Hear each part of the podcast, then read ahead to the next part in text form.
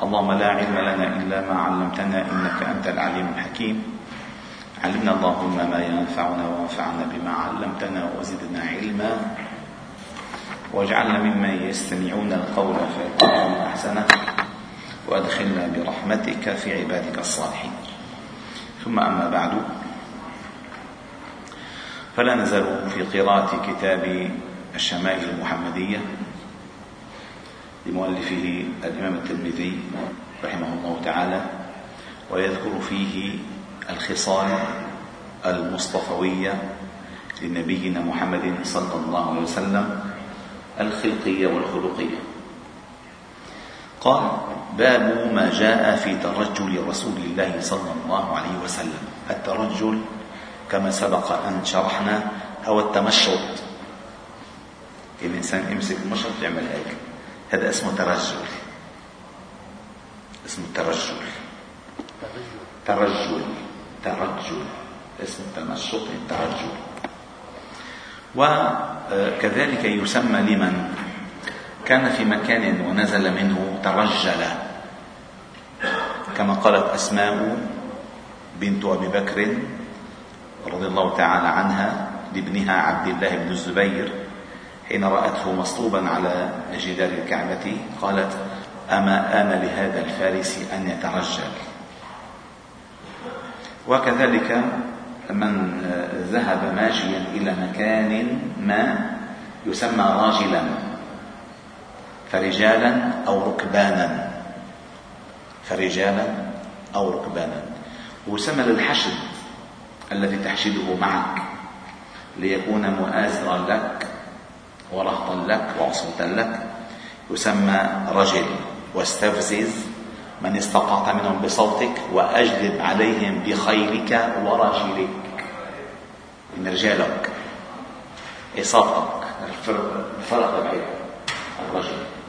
هذا إذا الترجل هو بالمعنى هنا بمعنى التمشط يعني كيف كان النبي صلى الله عليه وسلم يتمشط لأن الحديث أو الباب الذي قرأناه أمس هو عن شعر النبي صلى الله عليه وسلم وتحدثنا عن أنواع الشعور الذي تكون بالإنسان وأحكامها باختصار.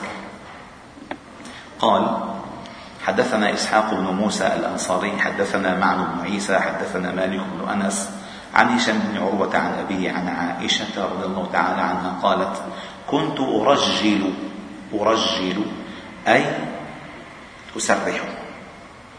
كنت أرجل رأس رسول الله صلى الله عليه وسلم وأنا حائض. لماذا أورد الإمام هذا الحديث؟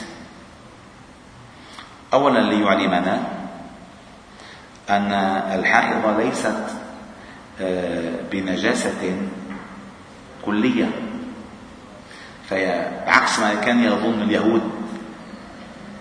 اليهود المرأة عندهم إذا حاضت لا آه، تجلس مع زوجها في فراش أو في مجلس أو في مائدة ولا تأكل من وعائه ولا تشرب من كوبه. خلاص معزولة أنا كنت كنت أرجل رأس الرسول صلى الله عليه وسلم وأنا حائض. حائض تعرفوا الجنابة الجنابة جنابة حكمية وليست جنابة ذاتية. يعني الإنسان إذا كان جنوبا هو نجس وليس نجسا. ولكن حكم رفع هذا هذا الحدث الذي يسمى حدثا. رفع هذا الحدث الذي يسمى حدثا إن كان آه، حدثا أصغر فهو بالوضوء وإن كان حدثا أكبر فهو بالغسل. أما لو تغسل المشرك كل يوم كل يوم وحط خمسين جالون بارفان وستمائة وحدة ديودرون بدل ربنا قال عنه إنما المشركون نجس. ما يمكن تفحصه وتلاقيه نظيف. فإن هذا ليس هذا نجاسة حكمية وليست نجاسة بدنية حكمية. فقالت أمنا عائشة رضي الله تعالى عنها كنت أرجل أي أسرح رأس رسول الله صلى الله عليه وسلم وأنا حائض. وحدثنا يوسف بن عيسى حدثنا وكيع حدثنا الربيع بن صبيح عن يزيد ابن أبان الرقاشي عن أنس بن مالك رضي الله قال كان رسول الله صلى الله عليه وسلم يكثر دهن رأسه. أي بالزيت. دهن رأسه. أي بالزيت. يكثر دهن رأسه وتسريح لحيته. لأن لحيته مشان ده البرد ويكثر القناع. ما هو القناع؟ القناع هو الذي يوضع أو يغطى به الرأس. والمراد به هنا خرقة خرقة توضع فوق الرأس بعد دهن الشعر بالزيت. بعد ما بدهنوه مشان يثبتوه بيحطوا خرقة عليه. قال قال آه أنس كان النبي صلى الله عليه وسلم يكثر دهن رأسه وتسريح لحيته ويكسر القناع حتى كأن ثوبه ثوب زيات. إذا بين نقط الزيت على القناع اللي حطه وعلى الشرشر اللي عم يوقع عليه. وكأن ثوبه ثوب الزيات. وحدثنا هناد بن سري حدثنا أبو الأحوص عن الأشعث عن أبي الشحفاء عن أبيه عن مسروق عن عائشة رضي الله تعالى عنها قالت إن كان رسول الله صلى الله عليه وسلم ليحب التيمن في طهوره إذا تطهر يعني يبدأ باليمين وفي ترجله إذا ترجل. شو يعني ترجله إذا ترجل باليمين؟ إذا كان فرق شعره فرق فهو عنده شقين. يبدأ بترجيل أو بتسريح رأسه من شقه الأيمن قبل أن يبدأ بترجل بترجله أو بتسريحه من شقه الأيسر. هذا المقصود فيه. وفي انتعاله إذا انتعل أي إذا لبس نعله بدأ باليمين وإذا خلعه خلعه باليسار. كدخول المسجد. إذا دخل المسجد دخل باليمين وإذا خرج خرج بشماله.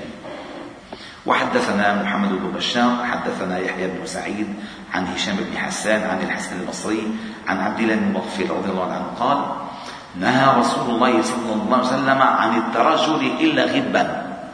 طيب كيف كان يكسر الترجل؟ ونهى النبي صلى الله عليه وسلم عن الترجل إلا غبا. المقصود بالترجل هو الإصلاح. ما الوسوسة بالموضوع لا لا بدي مشط شعري لا. أن تصلح شعرك؟ ليس بالعادة لا في ناس أستاذ همام عندهم عادة يشرحوا لحيتهم ولو قاعدين. قاعدين تشك تشك تشك تشك. أن نهى النبي صلى الله عليه وسلم عن الترجل. إلا غبا. غبا يعني على أوقات. المطلوب المطلوب يعني.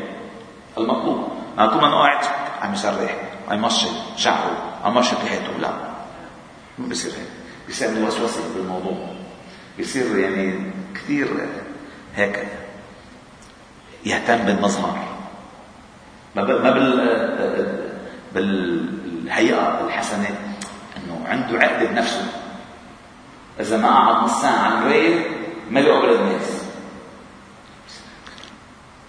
ثم قال وحدثنا الحسن بن عرفة قال حدثنا عبد السلام بن بن بن حرب عن يزيد بن أبي خالد عن أبي العلاء الأودي عن حميد بن عبد الرحمن عن رجل من أصحاب النبي صلى الله عليه وسلم أن النبي صلى الله عليه وسلم كان يترجل غبا يعني متقطعا. كما ورد في بعض الأحاديث زر غبا تزدد حبا. زير غبا تزداد حبا قد ما كان يحبك. كل يوم يشوف كل يوم يشوف ريحنا يوم زير غبا تزداد حبا في بيت شعر ما بعرف بذكره هلا.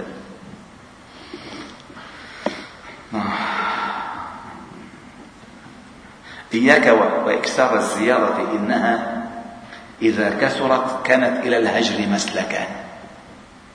إياك وإكثار الزيارة.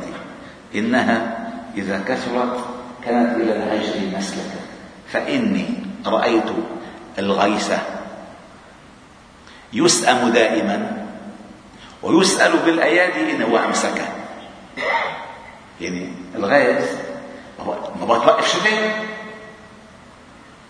وإذا ما مشتي يا رب تشتي يا رب تشتي فلما بشتي كثير ما بتخلي شتي وإذا ما شتت يا رب شتي فقال فإني رأيت الغيث يسأم دائما ويسأل بالأيادي إن هو أمسك. أي لم لم تمطر. فقال ثم قال باب ما جاء في شيب النبي صلى الله عليه وسلم وفيه ثمانية أحاديث. قال حدثنا محمد بن بشار أخبرنا أبو داود أخبرنا همام عن قتادة قال قلت لأنس بن مالك رضي الله تعالى عنه هل خضب؟ أي عمل حناء خضب رأسه بالحناء غير لونه. هل خضب رسول الله صلى الله عليه وسلم؟ قال أنس لم يبلغ ذلك إنما كان شيبا في صدغيه الصدغ ما هو الصدغ الصدغ هو المنطقة التي ما بين الأذن إلى العين. هاي الأذن وين وين؟ تقعد هون قرب دير وشك. هيك الصفحة أيوه. هذا انتينتو لعين وهذا اسمه صدغ هذا اسمه صدغ ما الخد؟ هذا الخد. هون هذا اسمه صدغ صدغية ها؟ فقال شكرا. فقال إنما كان شيبا في صدغيه يعني كان في شوية لحى شعر أبيض في أعلى لحيته. هذا بس. ولكن أبو بكر رضي الله تعالى عنه خضب بالحناء والكتم. الحناء هي الحن اللي لنا حمراء والكتم هي الحن اللي لنا صفراء. لأن الرجال لا يخضبون بالسواد. نهى النبي صلى الله عليه وسلم عن الخضب بالسواد. لأن الخضب بالسواد آه يعني مثل غش. ما شاء الله استك شاب. لا ماني شاب. في ناس تكون شاب. الله يرحمهم. إيه، شاب. بس هو هو شاب. بس لما بيخضب هو هو الأصل من تغيير لون الشيب حتى لا يتمثل بالنصارى. النصارى كانوا يتركون رؤوسهم ماذا بيضاء. بس الخضب هي من السنة ولكن لا يخضب آه، بالسواد حتى لا يكون لا يكون غشا. إنه اجى الشاب أنا لك سنين شاب ما ما بس شاب من فوق شاب. ماشي؟ فقال بالحناء والكتم الكتم اللي هو الصفر الصفراء. وحدثنا إسحاق بن منصور ويحيى بن موسى أما النساء بحق لهم النساء بحق يخبوا. بالالوان اللي بده إياهم بده إياهم. النساء مشان ما يزعلوا بس الرجال لا. حدثنا إسحاق بن منصور ويحيى بن موسى قال حدثنا عبد الرزاق عن معمر عن ثابت عن أنس بن مالك قال ما عددت في رأس النبي صلى الله عليه وسلم ولحيته إلا أربع عشرة شعرة بيضاء. ما عددت في رأس النبي صلى الله عليه وسلم ولحيته إلا أربع عشرة شعرة بيضاء. هلا قبل أن نكمل بكرة نكمل لأن الحديث طويل. آه، لماذا يحصل الشيء؟ يحصل الشيء أو أحيانا بأشياء آه، بيولوجية بالجسم. يعني بتموت آه، بصيدة الشعرة. فبصير ما بتتغذى فبتموت الشعرة بتصير بيضاء وأحيانا يوم يجعل الولدان شيبا أي من هول الموقف. إن أحيانا يشيب الإنسان من هول شيء هاله الشيء فشاب رأسه. وأحيانا أحيانا يكون الشيب وراثيا. وراثيا العيلة عندهم كلهم بيشيبوا بيشيبوا صغار. وأحيانا أحيانا بيكون الشيب لأن خلص خلص وقته. خلص بلش يطقطق يطقطق رأسه النبي صلى الله عليه وسلم عندما سئل عن شيبه قال شيبتني هود وأخواتها. أي شيبه من أهوال ما في سورة هود وأخواتها أي سورة كورت والانفطار. هذه هود وأخواتها. والحمد لله رب العالمين. سبحانه وبحمده نشهد أن لا إله إلا أنت نستغفرك إليك. صل وسلم وبارك على محمد وعلى آله وأصحابه أجمعين.